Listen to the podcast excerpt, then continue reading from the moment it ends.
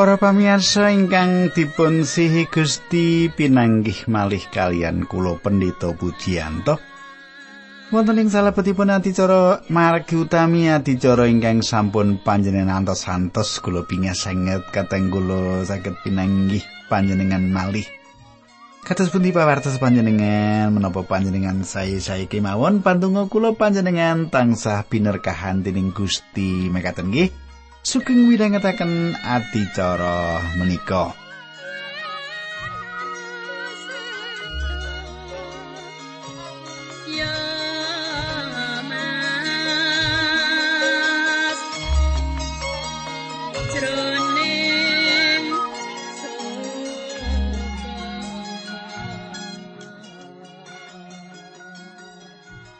Para pamirsa menapa panjenengan tasih kemutan menapa ingkang kala aturaken ing pepanggihan kepengker menika tasih kemutan to?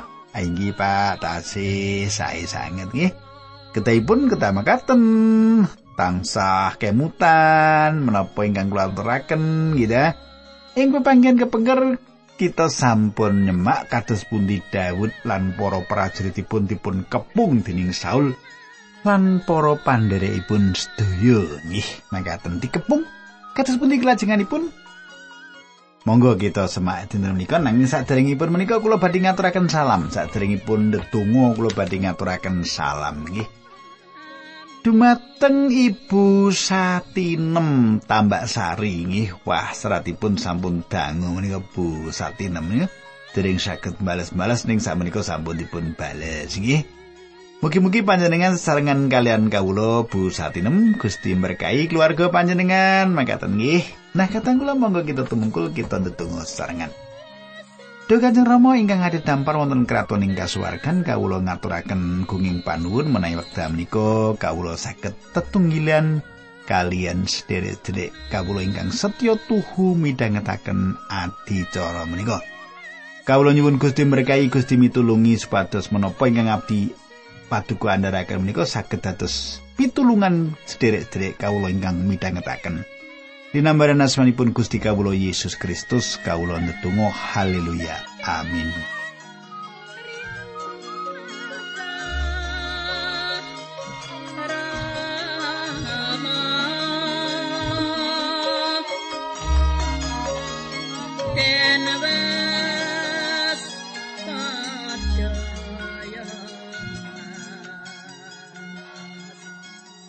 Para pamirsa samenika pasinaon kita sampun lumebet ing setunggal sama kawan likur. Wah, gitu.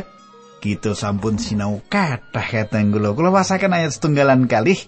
Nggih mangke sayat sayat kula lewati ngeten sing ora penting-penting kula lewati sing penting kula wasaken dateng panjenengan nggih. Nalika Saul lagi wae mulih saka peperangan nglawan wong Filistin nampa kabar yen Daud ana ing ora-ora en gedhi. Saul inggal-inggal milih prajurit tulung ewu sing becik dhewe sak wilayah Israel banjur mangkat goleki Daud lan para prajurit ing sisih wetane gunung watu wedhus ireng. Katenggulo Daud sampun kisah dateng papan ingkang kangelan kangge singitan. Satunggalipun papan menawi Daud badhe singitan menika kangelan. Saul tansah madosi Daud kanthi prajurit ingkang gunggungipun 3000 tiang. Kosok wangsulipun Daud namung gadah 600 tiang. Prajuritipun Saul langkung kathah tinimbang prajuritipun Daud nanging Daud lumawan ingkang boten imbang menika kanthi taktik. Kanthi taktik, kanthi strategi. Ayat 3 Saul tekaning sacedhaki kandang-kandang wedhus gembel ing pinggir dalan ing kono ana guane lan Saul banjur mlebu arep mbebuang Kebenaran banget Daud lan para prajurite lagi padha ndelik ing gua kuno ing sisih jero. Para pamirsa, Saul mlebet ing gua ing pundi Daud umpetan wonten ing mriku. Lan Saul tilem. Para pandheripun Saul temtu kemawon jaga-jaga nanging tiang-tiangipun Saul menika wonten ing jawi gua mboten wonten ing lebet. Para pandheripun Saul nyukani kelonggaran awit ngajeni dumateng Sang Raja supados wonten wekdal ngaso. Dados inggih menika kahananipun Daud lan para pandherepipun lan Saul wonten ing salebetipun guwa. Para prajurit Saul wonten ing jawi guwa. Kula wangsuli Daud lan para pandherepipun lan Saul wonten ing salebetipun guwa, para prajurit Saul wonten ing jawi guwa. Lajengaken ayat sekawan. Prajurit Daud banjur matur marang Daud menika wekdal ingkang sae kangge panjenengan. Gusti Allah rak sampun ngendika dhateng panjenengan makaten, mungsuhmu bakal ndak pasrahake marang kowe, arep kok kapake sakarepmu. Karo ndelik-ndelik Daud banjur marani Saul sarta nyolong ngetok jubahe setitik. Ayat gangsal nanging sawise kuwi Daud rumangsa luput merga wis nindakake mengkono mau. Kadang kula panjenengan gatosaken Daud kanthi tenang lan alon-alon datengi raja ingkang tilem. Daud ngethok perangan ngandhap jubahipun. Ayat 6 banjur kondo karo para perjurite muga Gusti Allah kersa njaga aja nganti aku tumindak ala marang rajaku sing wis dijebati dening Allah. Babar pisan ora kena gawe lara mergo dhewe iku jebatane Allah. Para pamirsa, Daud ngajeni kalenggan raja sinaosa piyambakipun saged ugi mboten ngajeni tiyangipun. Perkawis menika perlu dados kawigatosan sinaosa Daud dipun buru dening Saul. Daud mboten badhe nyilakani Saul. Kenging menapa? Awit Saul dipun jebati dening Gusti Allah. Daud masrahaken kersanipun Gusti Allah ingkang ngurus sang raja menika. Rum 12 ayat 19. Makatan surasipun. Para sedulur raja pisan-pisan nindakake pemales mergo sengit jalaran Gusti Allah piyambak sing malesake sebab ing kitab suci ana pangandika mengkini pemales kuwi wewenangku aku Gusti Allah sing bakal malesake mengkono pangandikane pengiran. Para pamirsa ing wekdal kita ngrampungaken perkawis kanthi kesagetan kita piyambak kita mboten malih lumampah kanthi iman. Daud masrahaken kersanipun Gusti Allah ingkang ngurusi Saul. Daud namung ngetok jubahipun Saul. Ayat 6. Banjur kondo karo para perjurite muga Gusti Allah kersa njaga aja nganti aku tumindak ala marang rajaku sing wis dijebati dening Allah babar pisan ora kena gawe lara merga dhewe iku jebatane Allah. Sawetawis para pandheripun Daud sampun boten ngajeni Saul lan saged kemawon mejahi Saul ing salebetipun satunggal menit nanging Daud boten ngidinaken. Ayat pitu Mengkono Daud nggone menggak perjurite lan orang ngilani padha nyerang Saul. Saul ngadeg lan lunga saka guwa kuno banjur nerusake lakune. Kadang kula panjenengan katosaken malih.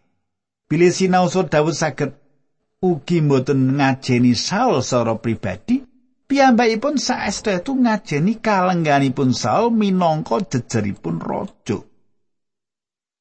Ayat 8 lan 9.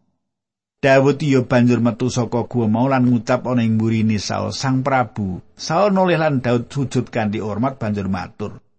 Menapa sebabipun dene panjenengan nampi aturipun tiang bilih kula badhe damel cilaka panjenengan?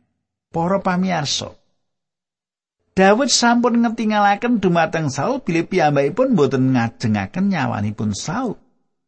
Dawud sampun dipun patrapi dipun salah mangertos dipun patrapi tindak awon lan dipun salah tafsiraken dening mitra lan mengsah.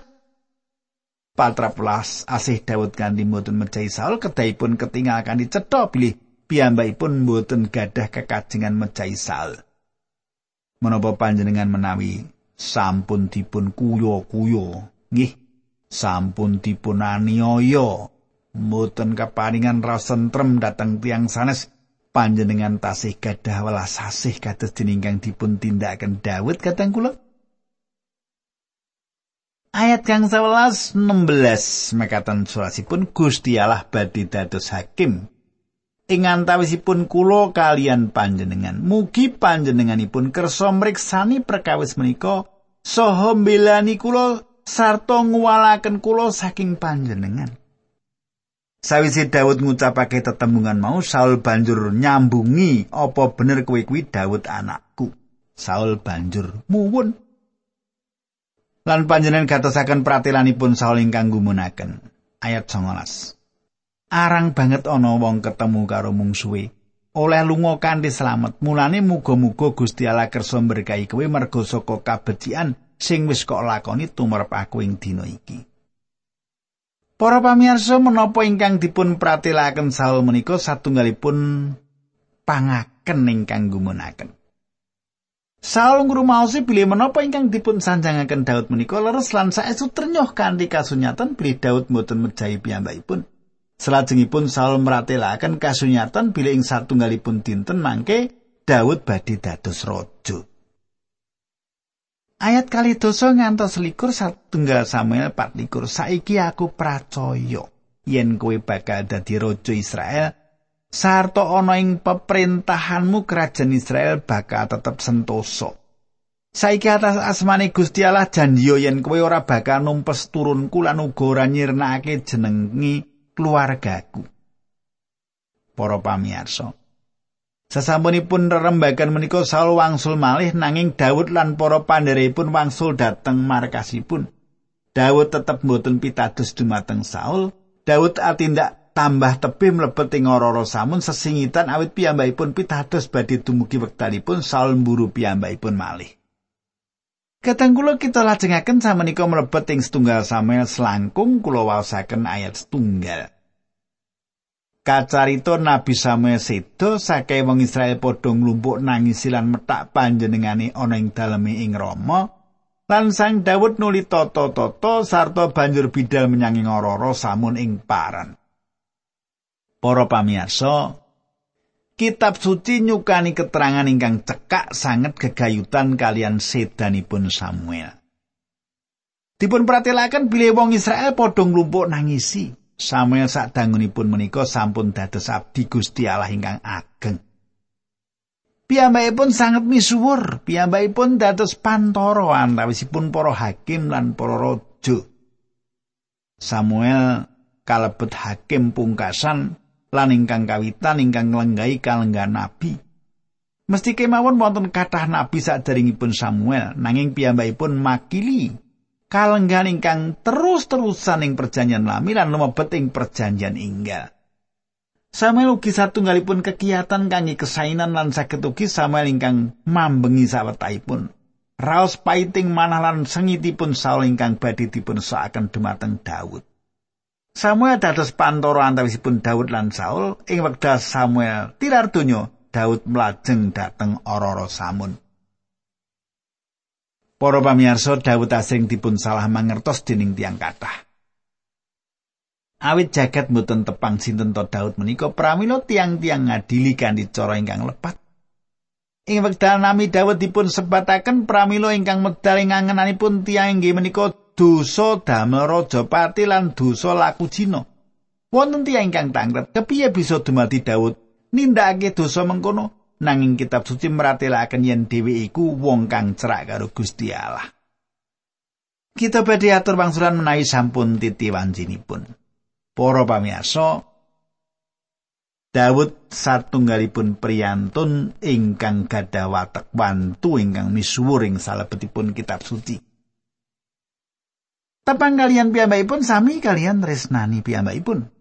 Kulo dereng nate tepang tiang ingkang gadah watek wantu ingkang agung kados Daud menika. Daud lahir dados lari tiang tani ing Bethlehem, lari Israel saking taler Benyamin. Piyambakipun dipun agengaken minangka jejeripun pangen ing antawisipun pitu sederepun ingkang sanes ingkang langkung sepuh saking piyambakipun. Piyambakipun boten mlebet etangan. Salajengipun ing satunggalipun dinten gesangipun karibah. Gusti Allah metang piyambakipun. Gusti Allah mboten mirsani saking toto lahir. Gusti Allah mirsani menapa ingkang dados isi manahipun Daud. Daud dipun jebati minangka calon raja mangsa tembe kangge Israel dening Samuel. Piyambakipun mejahi raksasa Goliat. Minangka tiang ingkang ahli musik, piyambakipun dipun sukani gelar tiang ingkang ngidungaken jabur manis saking Israel. Daud nyerat geguritan ingkang paling sae ingkang nate dipun serat ing salebetipun basa lan dipun kidungaken ing basa menapa kemawon.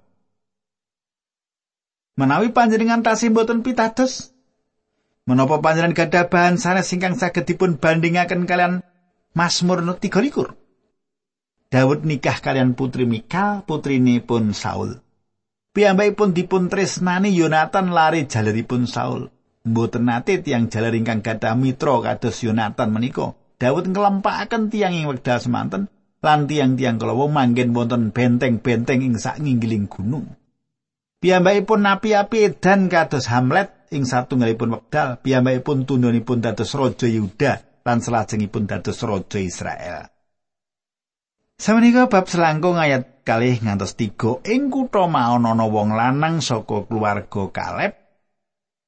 Jenenge Nabal duwe palemahan kanggo raja kayane ing sacedhake kutha Karmel. Nabal kuwi sugih banget lan duwe wedhus gembel lan wedhus berok cacahe 3000. Abigail bojone pinter tur ayu. Nanging Nabal dhewe watake kasar lan ala kelakuane ing sawijining dina Nabal lagi ngguntingi wulune wedhuse ing Karmel. Para pamirsa. Nami Nabal bodho. Nggih, kula mboten mangertos kados pundi.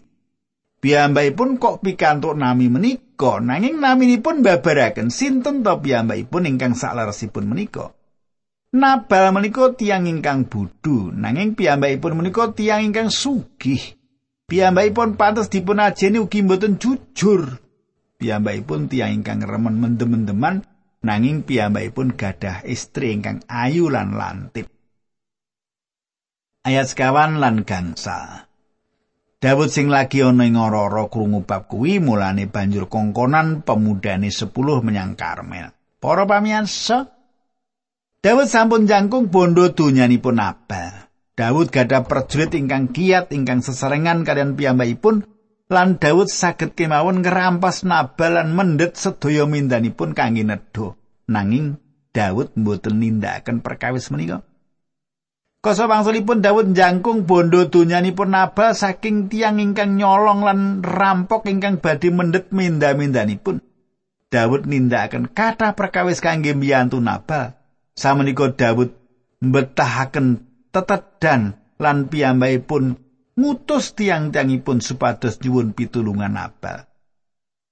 Ayat songo ngantos dosa mengkono para prajurit anggone nerosake piwelengi Daud marang Nabal banjur padha ngenteni.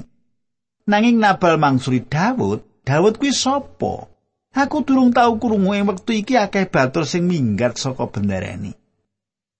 Nabal sanjang pilih Daud sampun ngianati Saul lan Daud kadakwa mboten setya. Ayat 11 ngantos 12. Apa ya aku banjur njupuk roti lan omben-omben sarta daging sing wis ndak sediake kanggo sing gundungi wulu, ndak wenehake marang wong sing durung cetha asal usule? Para prajurit Daud nuli padha bali lan ngaturake kandhane Nabal mau. Mirengaken perkawis menika Daud saestu itu bang mawingo-wingo, nesu Jubi panjenengan semak ayat 13. Pedangmu padha sabukno, perintahe Daud. Prajurit ya padha nindakake Daud ya nyabukake pedange lan mangkat ngajak wong kira-kira 400 dene sing 200 keri njogo barang-barangi. Kadang kula salah setunggal tiang keluarganipun Nabal mangertos perkawis menika lan nyukani mangertos Abigail. Ayat 14 ing wektu semono bojone Nabal wis diwenehi weruh dening bature Nabal mengkini. Menapa ibu sampun mireng? Daud sampun utusan tiang sawetawis saking ora perlu kintun salam dateng bendoro kula.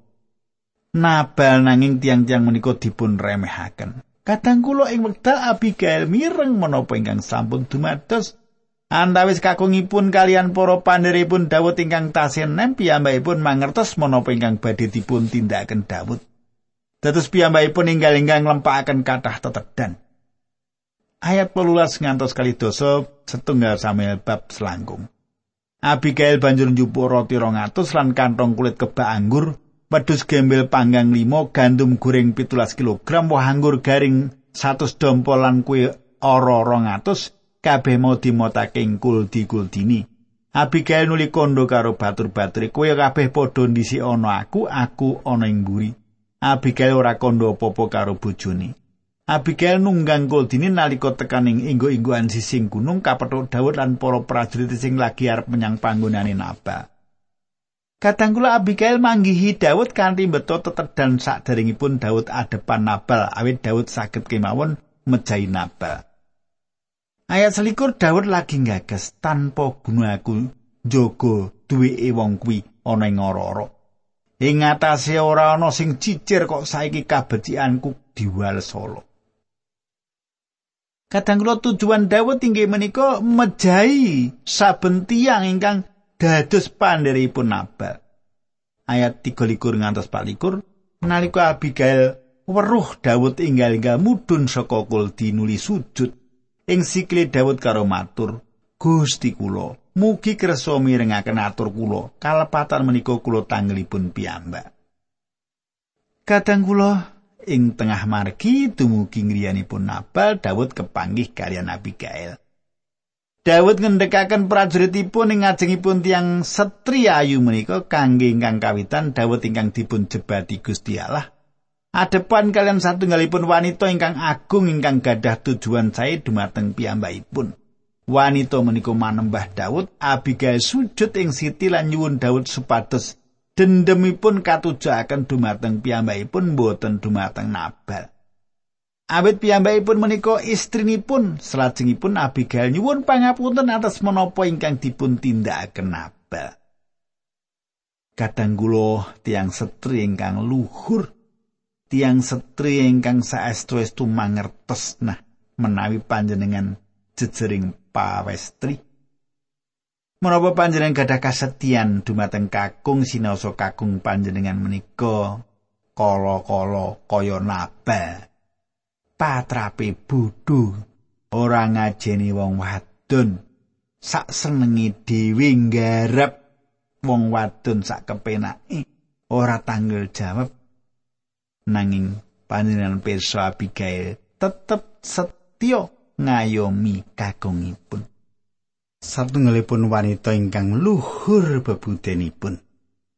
Nekatan kula bingah sanget kula saged ngaturaken berkah dumateng panjenengan kateng kula. Kados pundi kelajenganipun nggih adicara menika. Kita lajengaken dinten candhaipun dereng rampung kita sinau setunggal sama menika. Sinau so menika sampun tumugi bab selangkung nggih. Nah, kata kula menawi panjenengan kepingin nambahi malih kepingin mirengaken malih. Monggo panjenengan rawuh. Rawuh. Panjenengan mirengaken kula ing dinten candhaipun nah kula badhe ndherekaken panjenengan ndedonga rumiyin. Monggo kita ndedonga. Duh Gusti Allah ingkang Maha kawula ngaturaken gunging panuwun. Nae wekdal menika kawula saged sesarengan midhangetaken sabda pangandikan paduka. Matur nuwun sangat Gusti linambaran asmanipun Gusti Yesus Kristus kawula tunggu haleluya. Amin